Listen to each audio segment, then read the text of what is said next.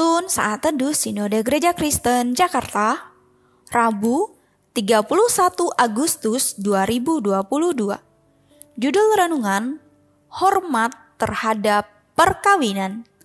Nats Alkitab terambil di dalam kitab Ibrani pasal 13 ayat 4 Hendaklah kamu semua penuh hormat terhadap perkawinan dan janganlah kamu mencemarkan tempat tidur sebab orang-orang sundal dan penjinah akan dihakimi Allah. Suatu hari, ada seorang pengurus gereja menelpon pendetanya. Ia mengatakan bahwa istrinya sudah tidak mencintainya dan memutuskan ingin bercerai. Sebenarnya mereka aktif pelayanan di gereja sebelum kejadian ini. Pengurus gereja ini begitu terpukul ia tidak mengerti mengapa istrinya tega pergi dengan pria lain, meninggalkan dia dan keempat anaknya.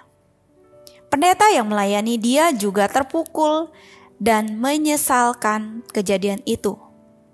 Hari ini, masalah perselingkuhan tidak hanya dialami oleh keluarga non-Kristen, tetapi juga keluarga Kristen, bahkan pengurus gereja setan senang melihat banyak rumah tangga hancur. Itu memang tujuannya dari semula.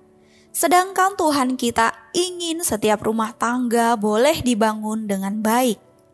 Allah mau hidup rumah tangga kita berbahagia. Ia ingin kita menghargai pernikahan dan menjaga kekudusan pernikahan kita.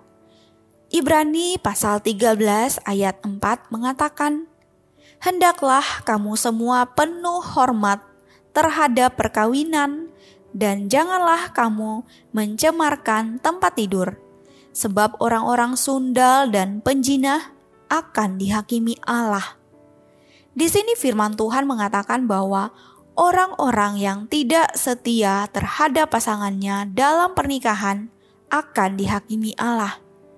Ini merupakan hal yang dianggap Allah sangat serius Pernikahan adalah lembaga yang didirikan oleh Allah. Tidak boleh dicemarkan dengan perselingkuhan ataupun diceraikan oleh manusia. Apa pun alasan Anda menikah, apakah dijodohkan, dipaksakan, atau karena kecelakaan, atau MBA, married by accident jika telah menikah.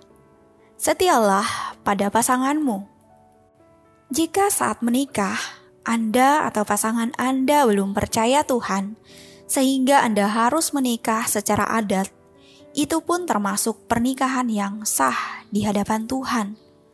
Tuhan ingin kita semua menghormati pernikahan. Jangan mencemarkan tempat tidur.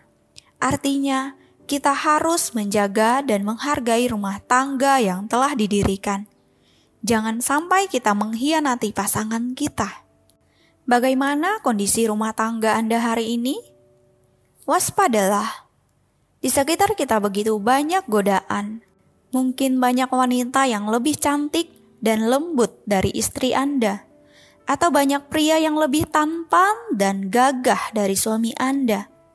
Sebagai anak Tuhan, kita harus mempunyai komitmen untuk setia dalam ikatan pernikahan.